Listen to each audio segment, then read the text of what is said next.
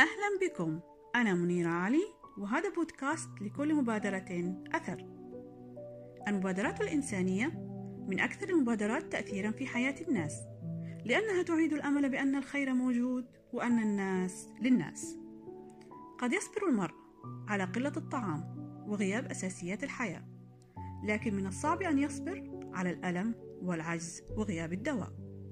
هذا ما التفت إليه الدكتور سامح سمير وعدد من رفاقه.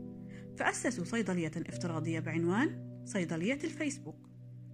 تشكل آلية عملها أجمل تجسيد لمفهوم التكاتف الاجتماعي بحيث يتم توفير الدواء للمحتاجين من مختلف مناطق مصر عبر تبادل الأدوية بين الناس كأن يحصل مريض من الإسكندرية مثلا على دواء من شخص في أسوان لديه دواء فائض عن حاجته. ومنذ انطلاق المبادرة في منتصف عام 2016 حققت نجاحا لافتا وانضم لها عدد من المتطوعين.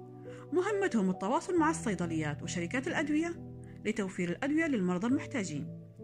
إلى جانب التواصل مع أشخاص لديهم أدوية يودون التبرع بها والعمل على توصيلها مجانا إلى المرضى الفقراء. نجحت الصيدلية في توفير الأدوية الضرورية لآلاف المرضى خصوصا ممن يعانون من أمراض حرجة مثل ضمور العضلات الكبد الكلى والسرطان.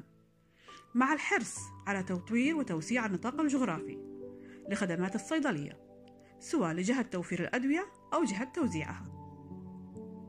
ويحرص القائمون على الصيدلية على استغلال منصة الفيسبوك للقيام بدور توعوي وإرشادي للمرضى وعائلاتهم واقتراح بدائل للأدوية المفقودة أو باهظة الثمن. نتمنى استمرار المبادرة وظهور مبادرات شبيهة بها تسعى للتخفيف عن آلام الناس. إلى أن ألقاكم في مبادرة جديدة. لن ننسى أننا نستطيع أن نسعد أنفسنا ويمكن أيضا أن نسعد غيرنا.